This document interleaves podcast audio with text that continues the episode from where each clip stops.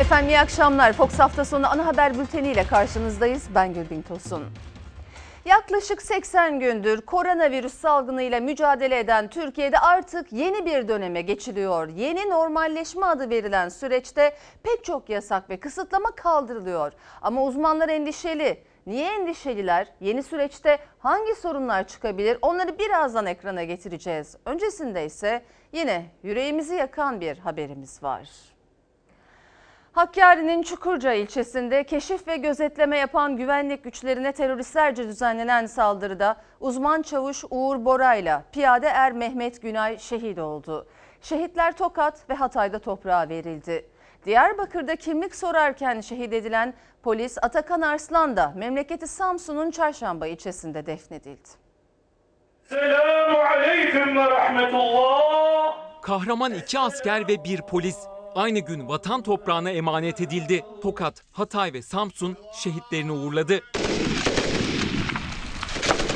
Hakkari'nin Çukurca ilçesinde keşif ve gözetleme yapan güvenlik güçlerine PKK'lı teröristlerce düzenlenen saldırıda uzman çavuş Uğur Bora'yla piyade er Mehmet Günay şehit oldu. Bir asker de yaralandı. Şehit uzman çavuş Uğur Bora'nın acı haberi Tokat'ın Niksar ilçesine bağlı Yol Konak beldesinde yaşayan ailesine tez ulaştı. Vatan sağ olsun. Söylenecek bir şey yok. Evli olan şehidin 2 yaşında bir kızı vardı. 6 ay önce de yıldırım düşmesi sonucu yaralanan Bora, beldede son yolculuğuna uğurlandı.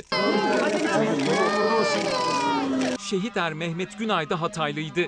21 yaşındaydı, bekardı. Şehadet haberinin ardından Altınözü ilçesindeki baba evine dev bir Türk bayrağı asıldı. Şehit asker ilçede defnedildi.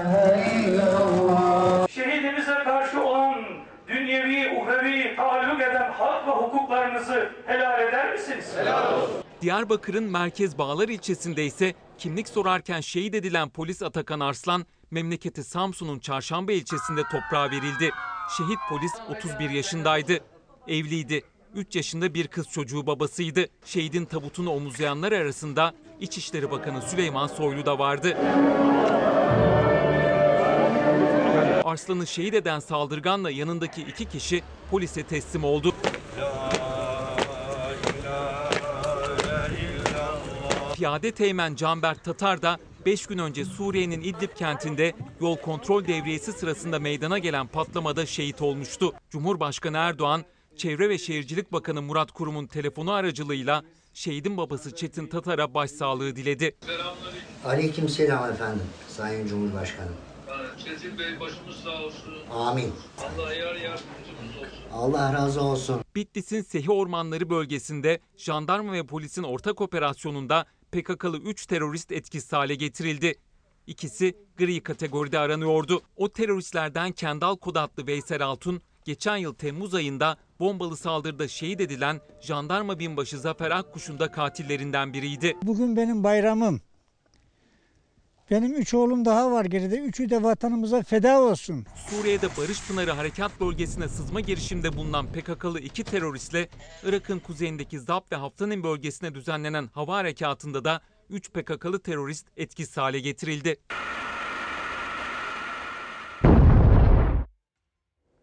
Şehitlerimize Allah'tan rahmet yakınlarına başsağlığı diliyoruz. Ve sayın seyirciler haftalardır değişmeyen gündemimizle ilgili gelişmelere geçiyoruz. Koronavirüs salgınında mücadelede örnek bir tablo çizen Türkiye artık yeni bir döneme giriyor. Yasaklar kaldırılıyor, sosyal hayata dönüş başlıyor. Artık sokaklar ve iş yerleri daha kalabalık olacak. Uzmanlar bu süreçte tedbirlerin daha sıkı uygulanmasını istiyor. Test sayısı 2 milyonu geçti. Son 24 saatte tespit edilen 983 yeni vakayla birlikte toplam vaka sayısı 163.103'e ulaştı. 26 kişi ise hayatını kaybetti. 11 Mart'tan bu yana 4515 can alan koronavirüs salgınında artık yeni bir dönem başlıyor. Uygulanan kısıtlamaların büyük bölümü kaldırıldı. Normalleşme için ilk adım pazartesi günü atılıyor. 15 ilde uygulanan sokağa çıkma yasağının bugün son günü artık sokaklar, meydanlar, sahiller böyle boş kalmayacak. Sadece pazar günleri birkaç saatliğine hava almak için dışarı çıkabilen 65 yaş ve üzerindekiler içinse kısıtlamalar kaldırılmadı. Onlar evde kalmaya devam edecek. Son sokağa çıkma yasağında İstanbul yine bomboştu. Saat 14 ile 20 arasında 65 yaş ve üzerindekiler çıktı dışarı. Son defa böyle sakin gördüler İstanbul'u. Herkes normale dönerken onlar kendi sağlıkları için yine bir hafta daha evlerinden çıkmayacaklar. Nasıl bir normalleşme olacak bu? Bu tabii içinde bulunduğumuz koşullara uygun, koşulların el verdiği ölçüde bir normalleşme olacak. Eskiye dönüş gibi algılamamak lazım. Çünkü virüs hala aramızda dolaşıyor, bizi tehdit etmeye devam ediyor. Günde bin civarında yurttaşımız bu hastalığa her gün yeni yakalanıyor. Virüs hem bulaşıyor hem de öldürüyor. Halen devam ediyor salgın. İşte bu şartlar altında salgın devam ederken seyahat kısıtlaması kaldırılacak. Sokağa çıkma yasağı artık uygulanmayacak. Sosyal hayat yeniden başlayacak. Bu da salgında ikinci dalga endişesini doğuruyor. Hepimiz tabii endişeliyiz. Endişe etmek iyi bir şey. Endişe bizi tedbir almaya sevk eder. Dolayısıyla endişeli olmakta biraz fayda var. Ee, hepimiz dikkat edersek, bu üç kurala uyarsak e, sorun çok olmayacaktır diye düşünüyorum ben. Çünkü virüs hala bizimle olmaya devam edecek. Muhtemelen uzunca bir süre, 6 ay, 1 yıl belki daha fazla. Virüs e, var diye eve kapanmak artık mümkün değil. Hayat ve ihtiyaçlar e, bizi zorlayacak. Bilim Kurulu üyesi Profesör Doktor Tevfik Özlü yaşanan endişenin tedbirleri arttıracağı görüşünde. Zaten tedbirler alınmaz ve vaka sayıları artışa geçerse yeni kısıtlamalar da beraberinde gelecek. Türkiye'de salgının merkezi haline gelen İstanbul'dan virüsün diğer illere yayılma riski ise yine alınan tedbirlerle önlenmeye çalışılacak. Diğer şehirlere yayılır mı korkusu var? Bu mümkün mü acaba? Bu nasıl önlenecek? Aslında bu dediğiniz e, risk e, var ama bu risk yönetilebilir bir risk. Asemptomatik olup da taşıyıcı olanlar için daha çok risk söz konusu. Binde üç buçuk gibi bir rakam söyledi Sağlık Bakanımız. Binde 3,5'luk bu oran şimdiye kadar yapılan testlerle tespit edilen hayalet taşıyıcıların oranı. Test yapılmadan tespit edilmeleri mümkün değil. Bu da seyahatlerdeki riski arttırıyor. Son sokağa çıkma yasağının kalkmasının ardından Türkiye'de seyahatlerde hız kazanacak. Bu seyahatlere bir de terhis olan ve teslim olacak askerler eklenecek. 14 gündür karantinada olan askerlerin terhis işlemleri başladı. 5 Haziran'dan itibaren ise yeni askerler birliklerine katılacak. Yaklaşık 53 bin askerin teslim olması bekleniyor. Türkiye'de 1 Haziran yani yarın itibariyle pek çok sektörde işletmeler kapılarını açacak. Hazırlıklar tamamlandı. Çalışanlar mutlu yeniden işlerine kavuşacakları için. Ama müşteri gelir mi endişesi de var. Sokaklar hareketleneceği gibi şehirler arası yolculuklar da artacak. 6 havalimanında uçuşlar başlıyor. Restoranımızı e, Allah kısmet ederse açıyoruz. Heyecan var mı? Heyecan var. Yarın için hazırlık mı var? Yarın için evet hazırlık var. Temizliğimiz var. Kö- dip köşe. Masa sandalyemizi metrekareye göre koyacağız. İşte bank önünde siperliklerimiz olacak. Kullanat ürünleri tercih ettik. Tek kullanım pet bardaklar falan. Yarın sabahleyin açacağız, faaliyet vereceğiz. Restoranlar, kafeler, pastaneler, çay bahçeleri, kreşler, spor salonları, otobüs terminalleri, havalimanları. Normalleşme öncesi son hazırlıklarını tamamladılar. Temizlikler yapıldı. Ellerde metreyle masalar arası sosyal mesafe ölçüldü. Yeni döneme uyum sağlamak için gerekli şartlar sağlandı. Normalde masalar arası 1.50 olması gerekir. 20 de biz kattık 1.70.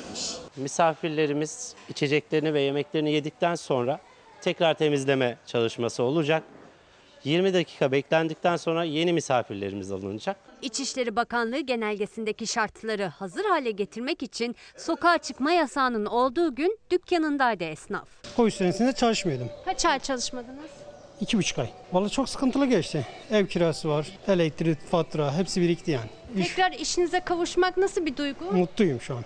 Çok mutluyum. Yeni borçlarıyla yeni normale alışmaya çalışacak olanlardan biri de garson Mehmet Tören. Mutlu ama aynı zamanda endişeli restoran çalışanları. Acabalar var. Hani çıkarsak işte kafeye gidersek, dışarıda yemek yersek yine hastalanır mıyız? İşte nasıl olacak da insanlar da korkuyorlar. İnsanlar da haklı. Biz hazırız diyorsunuz ama müşteri hazır mı bilmiyorsunuz. Müşteri hazır mı onu bilmiyoruz. Hani birçok insan çalışmıyor. Yani bu insanların cebinde parası yok. Parası olacak gelip bize alışveriş yapsın, yemek yesin, işte kahvesini içsin, tatlısını yesin. Karantina sürecinde evlerde epey hareketsiz kalındı. E birazcık da kilo alınmış olabilir. Bu sebeple birçoğunun normalleşmeyle birlikte ilk gitmek isteyecekleri yerler spor salonları. 1 Haziran'dan itibaren kapılarını açacak. Hazır mısınız? Hazırız. Sosyal mesafeyi korumak için aletleri azalttık ve açtık. Mesela şu bisikletleri görüyorum arkanızda. Bunlar e, Biri çalışmayacak, ikisi çalışacak. Bunları geçici bir süre her daim yok edemezsin, depoda yok. Ama birini off durumunda kapalı olacak, çalışmayacak. Bununla onun arası zaten 1,5-2 metre. Koşu bantlarında da keza aynı. Spor salonlarında aletlerin yerleşim düzeni ayarlandı. Bulaşma riskini artırdığı söylenen klimalar devre dışı. Havalandırma sistemleri yeniden düzenlendi. Talepler de değişti. Konsept e, birebir özel derslere yöneliyor. Çünkü insanlar tedirgin. Daha kaliteli hizmet almak istiyor. Kurallara uyulmuyorsa o işletmeyi tercih etmemeliyiz. Oradan hizmet almamalıyız, ürün almamalıyız. Ee, bu açıdan hani işletmelerin kurallara uyup uymadığı konusunda puanlamalar yapabiliriz. Sosyal medyada paylaşabiliriz. Kurallara uymayan işletmeler denetlenecek. İdari para cezaları uygulanacak. Kurallara uymayan müşterileri de ağır para cezaları bekliyor. İki aylık aranın ardından faaliyete geçecek yerlerden biri de havaalanları. Uçuşlar başlıyor. İstanbul Sabiha Gökçen, Esenboğa, İzmir Adnan Menderes, Antalya ve Trabzon havalimanlarında Covid sonrası ilk uçuşlar gerçekleştirilecek. İlk sefer sabah 10'da İstanbul'dan Ankara'ya. Havalimanlarına maskesiz kimse alınmayacak. Ateşi yüksek çıkan yolcuların uçuşuna izin verilmeyecek. HES kodu olmayan seyahat edemeyecek. Uçağa kabin bagajı alınmayacak. Terminallerdeki oturma düzenleri de check-in noktaları da koronavirüse göre ayarlandı. Sağlık Bakanlığı da çalışma hayatına yönelik yeni bir genelge yayınladı. Ne iş yerleri ne de müşterileri için salgın öncesinde bir rahatlama olacak. Terziler artık randevulu müşteri alacak. Ayakkabıcılarda deneme kuralları olacak. Bazı sektörlere ise telefon ya da internet satışı önerildi. Hazırlık ve temizlik için çıktık. İki buçuk aydır evdeydik. Şu an nasıl görüyorsanız günlerdir böyle. İnşallah yarın normale döneceğiz. Bir bayram geçirdik ama bizim için yarın bayram başlıyor. Kimi sektör tamamen kepenk kapattı, kiminin de işleri durma noktasına geldi koronavirüs nedeniyle. O yüzden küçük işletmecisinden büyüğüne tüm sektörlerde 1 Haziran coşkusu var ama hiçbir şey salgın öncesindeki gibi olmayacak. Sağlık Bakanlığı madde madde iş yerlerinin ve müşterilerinin uyması gereken kuralları sıraladı. Bakkal, manav, kasap, ayakkabı, giyim ya da kozmetik mağazaları hangisine gidilirse gidilsin Sağlık Bakanlığı'nın genelgesine göre hiçbirinin kapısından içeriye maskesiz adım atılamayacak. Ve her dükkanda mutlaka hem çalışanlar için hem de müşteriler için bir el dezenfektanı bulunacak. Ve altın kural sosyal mesafeye mutlaka uyulacak. Şu an eldivenler, maske, e, bir buçuk iki metre mesafe. Hepsi steril yıkandı. Tuzluklar, peçeteler hepsi poşetlendi. AVM, restoran ve kafelerle ilgili genelgeyi yayınlamıştı Sağlık Bakanlığı. Bilim Kurulu diğer sektörlerle ilgili de kuralları belirledi. Salgın riskine karşı tüm iş yerlerinde sektörüne göre farklı da olsa tedbirler uygulanacak. Ayakkabıcı ve çantacılara müşteriler teker teker alınacak. Eğer yanınızda denerken fikrini soracağınız biri varsa o dışarıda beklemek zorunda olacak ve deneme süresi olabildiğince kısa tutulacak.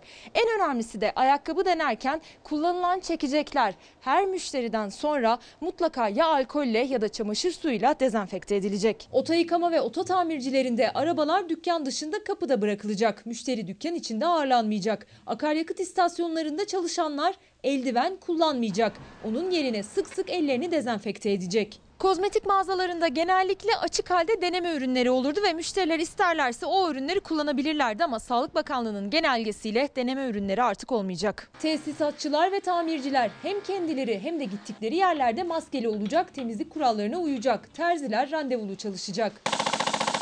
Madenler, inşaatlar ve büyük ofisler gibi kalabalık çalışma ortamlarında kurallar daha sıkı. İş yeri hekimi ya da iş sağlığı ve güvenliği kurulunun belirlediği sağlık personeli bulundurulacak. Çalışanların günlük ateş ölçümleri yapılacak. Bilim kurulunun her sektör için belirlediği en net kuralsa sık sık temizlenen çalışma ortamı ve sosyal mesafe kuralına uyulması. Özellikle kitap, oyuncak, kuyumcu ve takım mağazaları için Sağlık Bakanlığı'nın tüm bu tedbirlerin yanında bir önerisi daha var. Mümkünse internet ve telefonla satış yapın deniliyor. Yani salgın sonrası bazı sektörlerde çalışma düzeni kadar satış politikaları da değişebilir. Birçok çalışan da haftalar sonra ilk kez işe gidecek. Servis kullanan personel ve araçlar için yeni kurallar var. En önemlileri maskesiz binilmeyecek ve servis içinde konuşulmayacak. Taşımada iş yerlerinde tanımlamalar yapıldı. Servislerde de eskisi kadar yakın olamayacağız. Birçok sektör yeni dönem için kolları sıvamışken çalışanlar da iş yerlerine dönmeye hazırlanıyor. Özellikle büyük şehirlerde iş yerlerine ulaşımda servisler kullanılıyor. Araçlarda sosyal mesafe için yeni oturma sistemi getirildi. Servise ilk binen kişi en arkaya gelecek ve cam kenarına oturacak. Ondan sonra binen kişiler de yine güzergah sırasına göre arkadan öne doğru cam kenarında dizilecek ve her gün aynı koltuğu kullanacak. Yani her bir çalışanın koltuğu belli olacak. İşe gitme alışkanlıkları da değişiyor. Yeni kurallarla işe gitmek eskisi gibi olmayacak. Servislerde yeni dönemde en önemli ve şaşırtıcı değişikliklerden bir tanesi bundan sonra servislerde konuşmanın yasak olması. Hatta servise binen kişi günaydın bile demeyecek. Eğer şüpheli görülürse servise alınmayacak ve bir sağlık merkezine yönlendirilecek. Her yerde olduğu gibi servislerde de maske takmak zorunlu olacak. Personel servis araçları ile ilgili alınması gereken önlemler adlı rehber hazırladı Sağlık Bakanlığı. Rehberdeki kurallar Bilim Kurulu'nun önerileriyle belirlendi. Servislerde virüsün yayılmasına sebep olan damlacıklar etrafa yayılmasın diye konuşmak yasak olacak. Mecbur kalmadıkça bir şey yiyip içmek de yasak. Servis aracının girişinde dezenfektan bulunacak ve çalışanlar ellerini dezenfekte edip öyle binecek servise. Servis şoförü tıbbi maske kullanacak. Araç içi klima ile değil camlar açılarak havalandırılacak. Her servis turu tamamlandıktan sonra sık dokunulan iç yüzeyler önce su ve deterjanlı bezle silinecek, sonra %1 oranında sulandırılmış çamaşır suyu veya %70 alkolle dezenfekte edilecek. Gün sonunda iç temizlik tekrar yapılacak. Toplu taşımada mümkün olduğu kadar bu e, bir metrelik mesafeyi e, korumaya çalışın. Birçok çalışan da toplu taşıma araçlarını kullanacak. İşe gidenlerin sayısı artacağı için belediyelerin de araç sayısını arttırmaları gerekiyor. Çünkü toplu taşımada %50 kuralına uyulmaya devam edilecek. İstanbul Valiliği genelgesine göre İstanbul'da metrobüs, metro, otobüs gibi tüm toplu ulaşım araçları kapasitelerinin yarısı kadar yolcu alabiliyor. Genelgede herhangi bir değişikliğe gidilmedi. Maske takmakta hala zorunlu.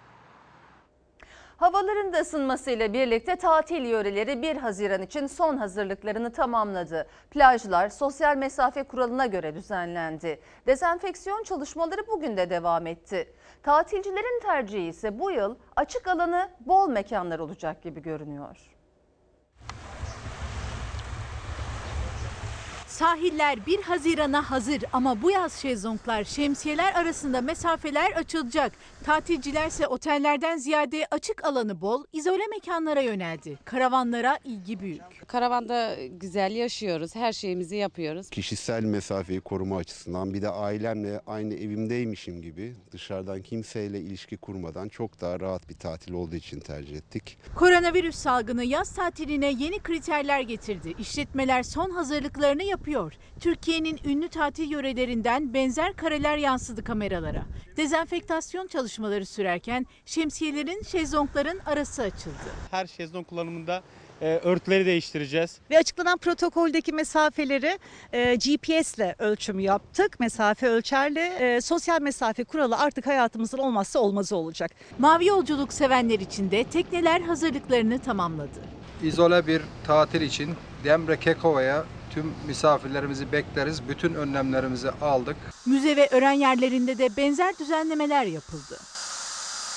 Sosyal mesafe e, stikerleri, dezenfektan e, standları, sonra gişe önlerinde özellikle ziyaretçilerin belirli e, mesafelerle gişeden bilet alması. Karavanlarsa bu yıl tatilcilerin gözdesi olacak gibi. E, sosyal mesafe kuralı zaten sürekli hatırlatıldığı için sanıyorum hani aralarında mesafe olması, açık havada olması herkesi cezbetti. O yüzden yani 3 kat belki 4 kat daha fazla talep var geçen seneye göre. Dünyanın Covid-19 ile mücadelesi sürüyor. Vaka sayısı 6 milyonu geçti. Hayatını kaybedenlerin sayısı ise 375 bine yakın. Salgının merkezi olan Güney Amerika ülkelerinde vaka ve ölü sayılarındaki artış da hızlandı. Vaka ve can kayıpları düştü, bazı yasaklar kalktı. Sahiller ve parklar doldu. Avrupa normalleşirken Latin Amerika ve Orta Doğu'da virüsün yayılışı hızlandı. Vaka ve ölü sayıları arttı. Covid-19'la mücadelede hastalığı yenenlerin sayısı artıyor. Şu ana kadar 2 milyon 770 bine yakın kişi iyileşti. Dünya genelinde vaka sayısı 6 milyon 200 bin sınırında. Salgında 375 bine yakın kişi de hayatını kaybetti. İlk kez Çin'de görülen virüsün merkez üssü önce Avrupa'ya, ardından Amerika'ya, şimdi de Güney Amerika'ya taşındı. Latin Amerika ülkelerinde Covid-19'un en etkili olduğu ülke Brezilya.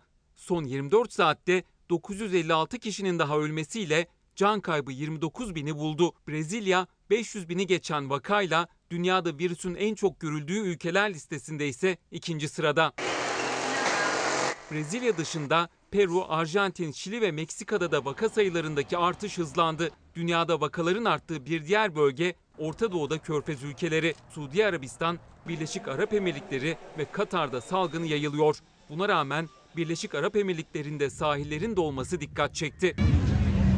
Covid-19 nedeniyle iki aydan fazla bir süre kapalı tutulan Kudüs'teki Mescid-i Aksa'da yeniden ibadete açıldı. Müslümanlar sabah namazı için dualar ve tekbirlerle giriş yaptı. Öğle saatlerinde ise bir grup fanatik Yahudi İsrail polisi eşliğinde Mescid-i Aksa avlusuna girdi. İsrail güçleri buna tepki gösteren 4 Filistinliyi gözaltına aldı. Dünyada en fazla koronavirüs vakası ve can kaybının görüldüğü ülke olan Amerika'da virüs yön değiştirdi. Ölü sayısının yüksek olduğu New York ve New Jersey'de alınan katı önlemler etkisini gösterdi. Zirve noktası geçilirken vaka ve ölü sayıları düşmeye başladı. Bugüne kadar virüsün az görüldüğü eyaletlerde ise vaka sayılarında artış hızlandı. Amerika Başkanı Trump'ın G7 zirvesi planı ise suya düştü. Zirvenin Haziran ayında Washington'da yüz yüze yapılmasını isteyen Trump'ın davetine Merkel olumsuz yanıt verdi. Bunun üzerine Trump zirvenin Eylül ayına ertelendiğini açıkladı. 65 yaş ve üzeri bugün dördüncü kez evlerinden dışarı çıktı. Verilen 6 saatlik izin az sonra bitecek ve o süreyi pek çoğu sonuna kadar kullanmak için dışarıda. Türkiye normalleşme sürecine girerken 65 yaş ve üzerindekiler de kendilerine verilecek müjdeli haberi bekliyor. Talepleri en azından hafta içinde bir gün daha dışarı çıkabilmek. İki kızım var. Birisi sağlıkçı. Emin ol 60 gündür göremedim. Ne yeğenlerimi, çorunlarımı görebildim. Ne kızımı, kızlarımı görebildim. Çok özledim onları. Yapacak bir şey yok. Doluyum. Yapacak bir şey yok. Bizim sağlığımız için yaptılar. Biliyorum sağlığımız için. Sağ olsunlar, var olsunlar. Ama sıkıldık, bayağı sıkıldık. İki aydır göremediği kızı ve torunlarından bahsederken gözleri dolu doluydu. 65 yaş ve üzerindekiler dördüncü kez sokağa çıktı. 14'te başlayan sokak izni 20'de bitecek. Türkiye normalleşirken onlar bir süre daha evlerinde oturacaklar. 1 Haziran pazartesi itibariyle normalleşme süreci başlıyor artık. Ancak 65 yaş ve üzeri bu kapsamın dışında kalacaklar. Yani onlar için sokağa çıkma kısıtlaması devam edecek. Salgının en başından bu yana büyük fedakarlık yaptılar. Evde kaldılar. 65 yaş ve üzeri pazar günlerini iple çekiyor. Yürüyüşe çıktınız. Maalesef öyle. Neden maalesef? Çünkü evde hapis olmak çok kötü bir şey. Zaman geçmiyor. Hareketsiz kalıyoruz. Ondan dolayı özgürlük kadar güzel bir şey yokmuş. Sık sık bıraksınlar yani böyle ki yoksa yürüme yeteneğimizi kaybedecek yaşlar yani. Gerçekten de sağlık açısından bu artık dayanılmaz bir noktaya geldi. Çok daha kötü sonuçlar elde edecek. Bu hükümetin bu karara hemen e, el koyması lazım yani. Öyle 15 gün 25 gün daha uzatmakla bilinen alakası yok bu işin artık. Haftada iki gün yapsalar bence daha iyi. İnsanlar Allah korusun yani şeker hastası olabilir, her türlü hastalık çıkabilir. 65 yaş ve üzeri pazar günleri 14 ila 20 saatleri arasında sokağa çıkabiliyorlar. Yürüyüş izinleri var. Ancak bu kapsamın dışında kalan 65 yaş ve üzeri kişiler de var. Onlar da esnaf, çalışan ya da işletme sahipleri. Pazar günleri de yetmiyor. Hem sağlık açısından hem de yapılacak işleri olduğundan en azından hafta içi bir gün daha sokağa çıkma izni istiyorlar. Pazar günlerde kapalı zaten bir yeri, bir yer açık değil yani. Serbest ettiler, her yerde kapattılar. Ne sade burada yürü git eve bir şey görmüyoruz. Pazar günleri iki saat gez evine git. Market kapalı, her yer kapalı. Ne yapacağız biz ne yiyip ne içeceğiz, nasıl alışveriş yapacağız? Doktora gitsen gidemiyorsun. Doktora gitsen gidemiyorsun. Bu ne kadar acayip bir şey. Bankadaki işlemlerimiz var, e, devlet dairelerinde işlemlerimiz var. Biz nasıl göreceğiz bunları? Bizi istiyorlar. Herkes 65 yaş dışındakiler hepsi dışarıda yani. Hep AVM'ler açık, şeyler açık.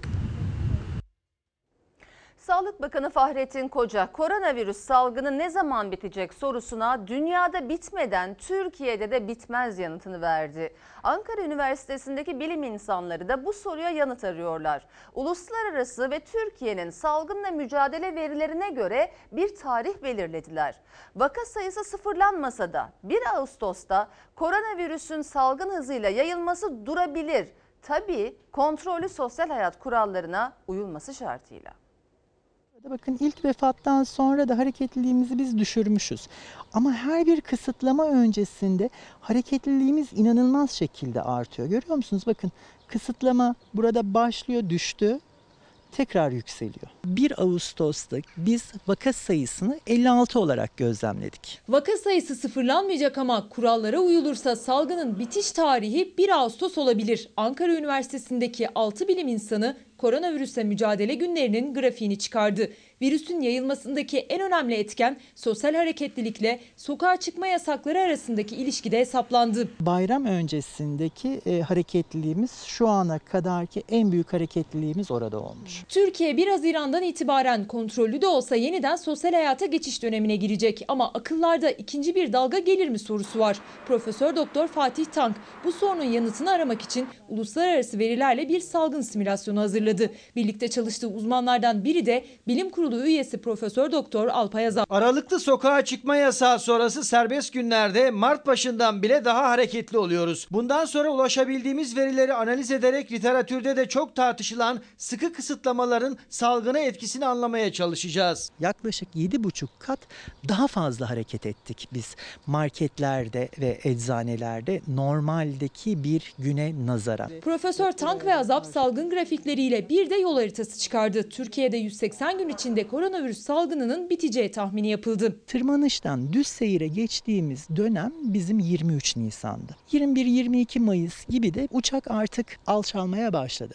Teker ne zaman koyacak dersek 1 Ağustos'ta biz vaka sayısını 56 olarak gözlemledik. 11 Mart'ta Türkiye'de ilk vakanın görülmesiyle başlayan süreçte salgın 23 Nisan'da pik noktasına ulaştı. 22 Mayıs'ta vaka sayısındaki azalma hız kazandı ve vaka sayısı sıfırlanmasa da 1 Ağustos salgının bittiği gün olarak belirlendi. Ama bu grafikler Türkiye'nin şimdiye kadarki izlediği mücadelenin verilerine göre hazırlandı. 11 Mart'taki ciddiyetimizle kendi kişisel tedbirlerimizi üst düzeyde tutarsak bu tarihte bir sapma olmayacaktır. Yani olası bir tedbirsizlik salgının seyrini değiştirebileceği gibi mücadele sürecini de uzatabilir. Bu yüzden uzmanlar bir kez daha uyardı. Önlemler ne kadar doğru alınırsa virüsten kurtuluş tarihi de o kadar yakın. Sayın seyirciler İstanbul'un iki yeni pandemi hastanesi hizmete girdi. Cuma günü açılışı gerçekleştirilen Anadolu yakasındaki hastanenin ardından bugün de Atatürk Havalimanı arazisinde inşa edilen Profesör Doktor Murat Dilmener Acil Durum Hastanesi açıldı. Cumhurbaşkanı Erdoğan açılışta daha fazla doktor yetiştirilmesi gerektiğinin altını çizdi. Ya Allah, Bismillah. Dünyada pek çok ülkenin geçici sahra ve prefabrik hastaneler kurarak çözmeye çalıştığı sorunu biz çok daha kısa sürede kalıcı hastane inşa ederek aşmayı başardık. İstanbul'un ikinci salgın hastanesi açıldı. Anadolu yakasında Sancaktepe'deki Profesör Doktor Feriha Öz Acil Durum Hastanesi'nin ardından Avrupa yakasında Yeşilköy'deki Profesör Doktor Murat Dilmener Acil Durum Hastanesi de bugün hizmete girdi. Bu sağlık kurumları ülkemizin yüz akı olacaklardır.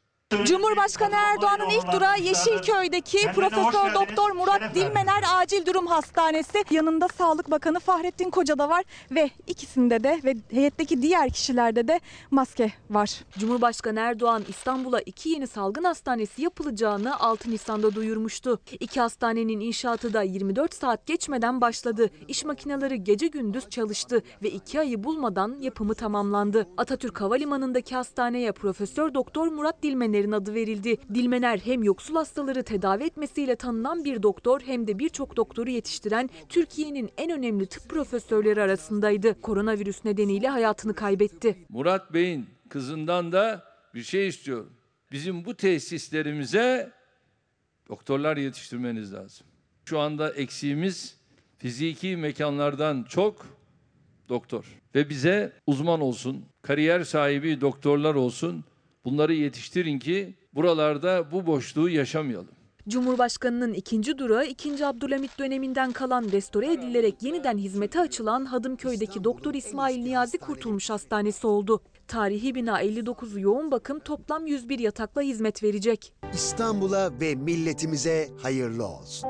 Hastaneler salgında pandemi kapsamına alınan diğer hastanelerin normalleşme sürecini de hızlandıracak. Salgın, deprem ve afet durumlarında kullanılacak. Sağlık turizmi kapsamında da yabancı hastalara hizmet verilecek. Yurt dışından ülkemize teşhis ve tedavi için gelecek kişilere hizmet verecek. Böylece ülkemizin sağlık alanından çekim merkezi haline gelme konumu daha da güçlenmiştir. Yani sağlık turizminde çok ciddi bir sıçrama yapıyoruz. Ve siyaset, iktidarla muhalefet arasındaki darbe tartışması bitmiş değil.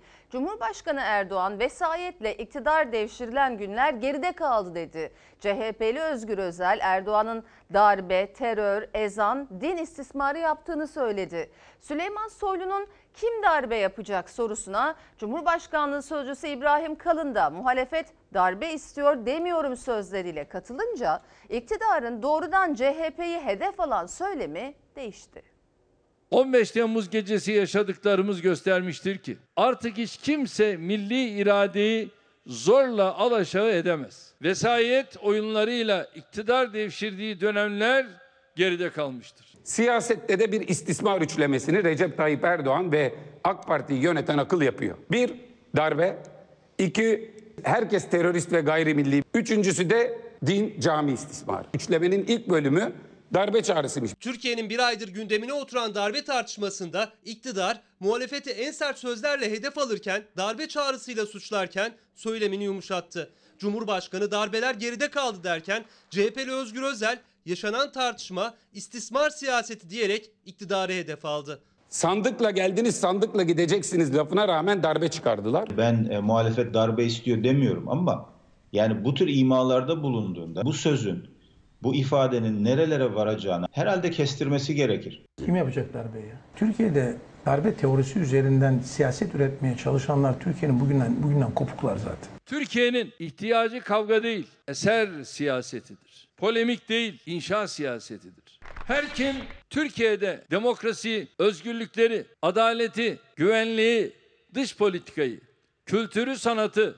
daha ileri seviyeye götüreceğine milleti ikna ederse ülke ona teslim edilir. Bunun dışındaki yöntemlerin, zorlamaların milli irade duvarına çarpıp dağılmaya mahkumdur. Recep Tayyip Erdoğan 24 Haziran kampanyası öncesi çıktı ve dedi ki verin yetkiyi bu kardeşinize. Dolar, euro nasıl düşürülür? Hepiniz göreceksiniz. dedi. 2.70'lerden başlayan dolar serüveni bugün 6.82'de. İşsizlik 11.6'lardan başladı. Şu anki gerçekleştirme 18.35. Yönetemiyorsan bırak. CHP'li Özgür Özel'in sistem eleştirisi. Cumhurbaşkanı Erdoğan'ın iktidarı hizmet ve eser belirler vurgusu. Cumhurbaşkanlığı Sözcüsü İbrahim Kalın'ın onca tartışmadan sonra söylem hatası çıkışı. İktidar cephesinden darbe tartışmasını geride bırakan açıklamalar peş peşe gelirken muhalefet darbe tartışmasının planlı açıldığı, iktidara fayda sağlamayınca da geri adım atıldığı görüşünde. Robot hesaplarla başlatılan linçinin Fahrettin Altun kurumsal destek ver. Cumhurbaşkanımızı işte size yedirmeyeceğiz. Ömer Çelik kurumsal olarak saldırıyı sahiplendi. Bize darbe iması yapıldı dendi. Tek numaraları ülkemizin ortak değerlerinin istismarı olanların devri artık kapanıyor. Demokratik hassasiyettir aslında. Aslında muhalefetin de yani bundan memnun olması, bunun tarafında yer alması gerekir diye düşünüyorum. Darbe çağrısı da darbe çağrısı. Buna neden ihtiyaç duydular? Bir yüzde on yedilik kayıp var. Ekonomik durum ortada. Yoksulsun, işsizsin, güvencesizsin, geleceğinden endişelisin. Ama tehlike büyük. Darbe geliyor arkama geçmelisin. Darbe veya ezana saldırıyorlar benimle olmalısın. Bu kadar planlı ve programlı Siyasette darbe tartışmaları yeni bir safhaya geçti. İzmir'de ise FETÖ soruşturması kapsamında Cuma günü gözaltına alınan Ege Ordu Komutanı Korgeneral Ali Sivri'nin emir subayı binbaşı FÖ tutuklandı. Cumhuriyet gazetesinin haberine göre binbaşı FÖ'nün telefonunun HTS kayıtları deşifre edildi. FETÖ'nün şu an firari olan Amerika'ya kaçan üst düzey yöneticisi LÇ ile binbaşı FÖ arasında çok sayıda telefon görüşmesi saptandı. Binbaşı sorgusunda bu görüşmeleri reddetti ama tutuklanmaktan kurtulamadı. Darbe gibi 2023'ten önce seçim tartışması da bitmiyor. CHP'li Özgür Özel erken seçime dünden razı, bugünden hazırız dedi.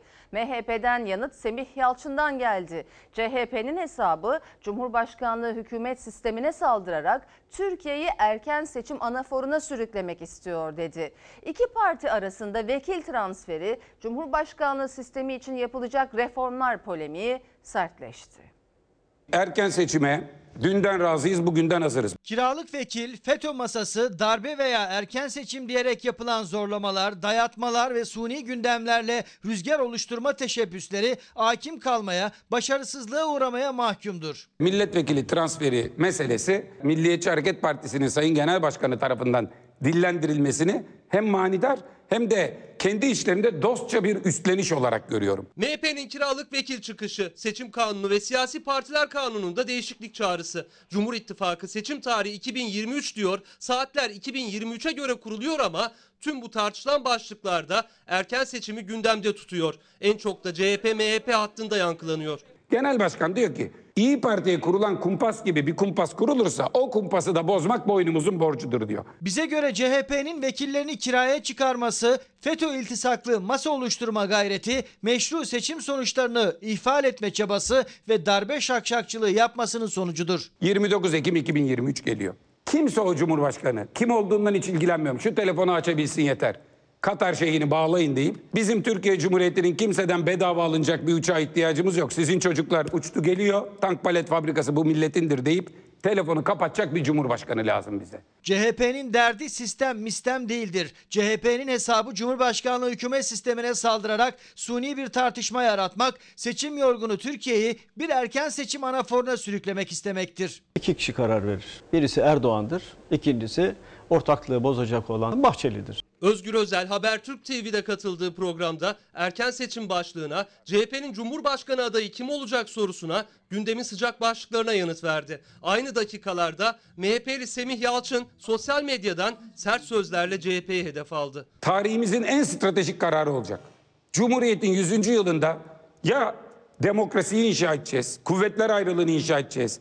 Ya Atatürk'ün gösterdiği aydınlanma yolunda emin adımlarla yürüyecek yeni bir soluk bulacağız ve 100. yıla gireceğiz. CHP 2023'te üzerine nur yağmasını beklemektedir. CHP aslında demokrasi ifade etmekte, milli iradeye suikast tertip etmekte ve meclisin mehabetine leke sürmektedir. Son gelişmeleri de dikkate aldığımız vakit anlaşılıyor ki bu reformlar acilen çıkartılmalıdır. Milliyetçi Hareket Partisi'ne de bir hatırlatma yapayım. Yıl 1991. Seçimlerde barajı geçmesi mümkün değil. O günkü Refah Partisi ile Refah Partisi listelerinden giriyorlar. Bir hülle partisi kuruyorlar. Kendi giriş yöntemine yani hülleye mecbur kalan 12 Eylül Anayasası'ndaki yasağı getirmeyi öneren Milliyetçi Hareket Partisi. Takdir milletin olsun. Özgür Özel geçmişi hatırlattı ama MHP Cumhur İttifakı'nın devamı için yasal düzenlemede kararlı. Muhalefet ise güçlendirilmiş parlamenter sistemde. Sayın seyirciler korona öncesinde en büyük sorunları iş güvencesi ve güvenliğiydi. Korona günlerinde ise ilk sırayı geçim derdi aldı. Onlar inşaat işçileri. Ne kısa çalışma ödeneği ne de ücretsiz izin ne de sosyal yardım. Hiçbiri bizim için geçerli olmadı diyen inşaat işçileri de yardım taleplerinin duyulması için harekete geçti. Salgının ilk başından bugüne değin en çok etkilenen kitleler biz emekçiler olduk, inşaat işçiler olduk. Hiçbir kar, hiçbir inşaat, hiçbir beton bir emekçinin hayatından daha kıymetli değildir. Kelimeler boğazımda düğümleniyor. Yani çok e, zor durumdayım. Anlatıyor işte bin liradır, şudur budur bunlar nereye gidiyor, nasıl oluyor? Koronavirüs salgınından en fazla etkilenen meslek gruplarından biri inşaat işçileri. İş güvencesi ve iş güvenliğinden yoksun çalışmanın zorluklarını yaşarken üzerine bir de salgın geldi. Mağduriyetleri katlandı. Korona döneminde verilen desteklere bağladılar umutlarını ama o da olmadı. Alçıpancıyım ben kendim. Mağdur ustalardanız. Kaymakamlığa başvuruda bulundum. Bu yardımlardan dolayı herhangi bir cevap gelmedi. Birçok arkadaşımız işsiz kaldı. Yasal haklarından dahi yararlanamadılar. Ne kısa çalışma ödeneği e, ne bu işten çıkartılmama gibi bir garanti. İnşaat İşçileri Sendikası'na göre iş bulabilenler için çalışma şartları daha da zorlaşırken işsiz kalanlara en ağır darbeyi vurdu korona salgını. Zorlu korona sürecinde diğer çalışanlar ve ihtiyaç sahipleri gibi kısa çalışma ödeneği, ücretsiz izin desteği ve devletin dağıttığı 1000 liralık yardımlardan yararlanamamaktan şikayetçi inşaat işçileri. Tek başıma 5 boğaza bakıyorum. Yardıma ihtiyacımız var. Hiçbir yerden bir yardım desteği göremiyoruz. Fayans seramik ustasıyım. Gerçekten zorlu bir süreç yaşıyoruz. Ee, Devletimizin yardımlarını bekliyoruz bu konuda. İnşaat işçilerinin salgından etkilenmemesi için e, bir dizi talebimiz oldu. Ücretsiz talebi, e, kısa çalışma ödeneği, gelir kaybının garanti altına alınması e, gibi. Bugün bir de inşaat işçisinin hakkı gasp edilmekte. CHP Eskişehir Milletvekili Utku Çakır Özer de inşaat işçilerinin korona öncesinde ve salgın sürecinde yaşadıkları sorunları dinledi. Çözüm için iktidara seslendi. Sigortaları olmadığı için birçoğunun gerek kısa çalışma ödeneği gerekse ücretsiz izne ayrılanlar için e, verilen e, günlük e, 39 liralık yardım ve gerekse yardıma muhtaç vatandaşlarımıza verilen e, aylık 1000 liralık yardımdan hiçbirinin faydalanamadığını e, duymaktan çok büyük üzüntü duydum. Onların bu zor gününde bizler yanlarında olmak durumundayız. İstanbul Büyükşehir Belediyesi'nin sosyal konut projesini Kiptaş Silivri'de hayata geçiriyor. Öncelik dar gelirliler ve hiç evi olmayanlarda. Başta bu dönemde büyük fedakarlıklar yapan sağlık çalışanlarımıza özel bir e, hak tanınması henüz gücü ev sahibi olmaya yetmeyen insanlara kira öder gibi ev sahibi olmasını sağlamak bizim için önemli bir karakter. sabit taksitlerle asgari ücretin altında ödeme planları sunuyoruz. Sağlık çalışanlarına bir destekte İstanbul Büyükşehir Belediyesi'nden geldi. Kiptaş'ın 1396 konutlu projesinde 50 daire bu zamana kadar hayat kurtarmak için çabalayan, gecesini gündüzüne katan ama hala ev sahibi olamayan sağlık çalışanlarına ayrıldı. Kamu ve özel sağlık kuruluşlarında ambulans şoförü, hizmet, hasta bakıcı, hemşire veya doktor olanlar bu kontenjandan başvurabilecekler. Salgın sürecinde gösterdikleri üstün efordan dolayı teşekkür ediyoruz. Normalleşme süreciyle birlikte Kiptaş'ta ilk inşaat çalışmasına başladı. Dar gelirliler için sosyal konut projesi İstanbul Silivri'de yükselecek. İnşaatın hızla başlatılmasının bir amacı da salgın nedeniyle kayıp iş gücünü yeniden sağlamak. Bir yandan mücadelemizi vereceğiz, bir yandan sorunların çözümünde önce olacağız. Salgının sadece ekonomiye etkisi değil ortaya çıkan özellikle mega kentte yanlış yapılaşma da bir kez daha gözler önüne serildi. Çok katlı, balkonsuz, bahçesiz yapılar evde kalmayı daha da zorlaştırdı. Yeni sosyal konut projesinde bu gerçek unutulmadı. İnsanın doğayla birlikteliğini esas alan bir hayatı vaat ediyor. Duvarlarla değil, ara sokaklarla çevrili bu projede Balkonlar, sosyal mesafeye imkan tanıyacak kapalı ve açık alanların arttırması, ferah asansörler gibi birçok şey ön planda olacaktır bundan sonra. Peşin 228 bin liradan başlayan daireler, 46 bin lirası peşin 120 ay 2200 liradan başlayan taksitlerle de satışa sunulacak. 1-21 Haziran tarihleri arasında başvurular alınmaya başlanacak. İlk kez internet üzerinden de başvuru alacak Kiptaş. Talep yoğun olursa kura çekilecek. 1396 dairenin %40'ı ise engelli, şehit aileleri, gaziler, dul ve yetimler ve ilk kez sağlık çalışanlarına da ayrıldı. Tek şart ev sahibi olmamaları. Ön cephede mücadele eden, salgınla mücadele eden e, sağlık çalışanlarımızı özellikle davet ediyorum ki onlara ayrıcalık da tanınacak bitirildiği günde oraya gidip o insanlara mutlu bir şekilde yuvalarını sunmak istiyorum. Heyecanlı birisiyim. Zamanın hızlı akmasını isteyen birisiyim. Bunu da Sayın Genel Müdürümüzden ve ekibinden talep ediyorum. Hayırlı uğurlu olsun. Amerika'da ırkçılığa karşı başlayan gösteriler Beyaz Saray kapısına kadar dayandı.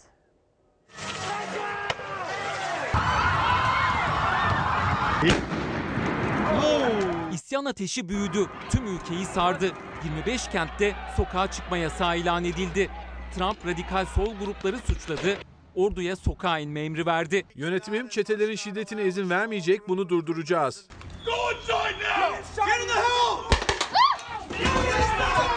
Amerika'da polis şiddetiyle bir siyahın ölmesinin ardından başlayan gösteriler büyüdü.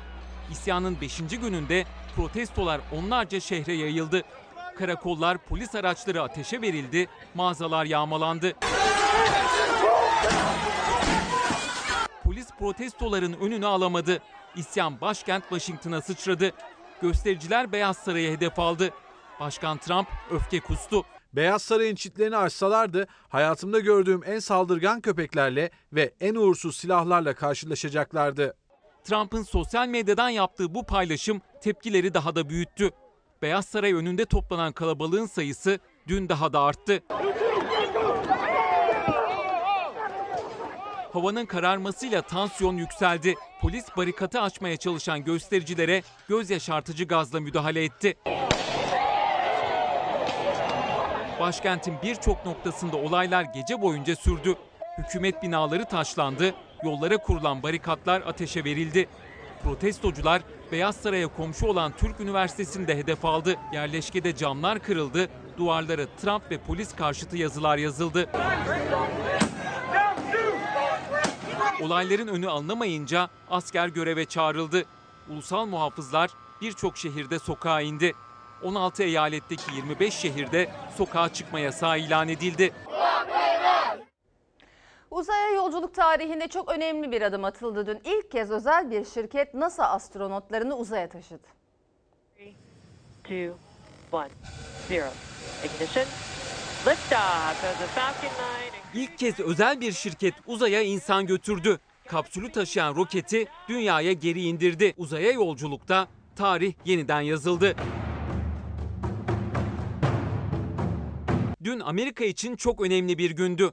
2011 yılında uzay mekiği programını sona erdiren Amerika, 9 yıl sonra ilk kez kendi toprakları üzerinden uzaya astronot gönderecekti. Okay, on the weather, uh, we still have some rain showers moving through the area. Roketin hafta içi hava koşulları nedeniyle ertelenen fırlatılışı için Başkan Trump ve yardımcısı Pence Kennedy uzay üstünde yerlerini aldı. Binlerce kişi de üst çevresinde toplandı. Ünlü iş insanı Elon Musk'ın SpaceX şirketinin geliştirdiği ve iki astronotu taşıyan kapsül Falcon 9 roketiyle uzaya fırlatıldı. Fırlatma başarıyla gerçekleşti. Kapsül atmosferi terk ettikten sonra roketten ayrıldı. Bağlanmak için uluslararası uzay istasyonuna yöneldi. We've exceeded Mach 1 on the Falcon 9. Kapsülü uzaya taşıyan roket ise yeniden kullanılmak üzere dünyaya döndü. Denizde konuşlanan platforma başarılı bir şekilde indi. Yolculuğun sorunsuz tamamlanmasının ardından uzaya ilk kez özel bir şirketle insan taşınmış oldu. İki astronotu taşıyan kapsül ise bugün uzay istasyonuna başarıyla kenetlendi. Dragon is now officially making its way to the International Space Station today. Astronotlarını 9 yıldır Rusya aracılığıyla uzay istasyonuna gönderen Amerika, bu seyahatler için gidiş dönüş olmak üzere Moskova'ya 85 milyon dolar ödüyordu. Dün gerçekleşen fırlatmayla Washington'ın bu masraftan kurtulmasının önü açıldı. Başkan Trump bu uçuşun başlangıç olduğunu, ileride Mars'a da uçulacağını söyledi. Efendim araya gidiyoruz. Koronavirüs tablosu yayınlanırsa bu süre içerisinde vedalaşmadan önce sizlerle paylaşacağız. Efendim Fox hafta sonu ana haber bültenini burada noktalıyoruz. Fox'ta yayın televizyonda ilk kez yayınlanacak olan Özgür Dünya isimli Türk sineması ile devam edecek. İyi bir akşam geçirmenizi diliyoruz. Hoşçakalın. Her köşesi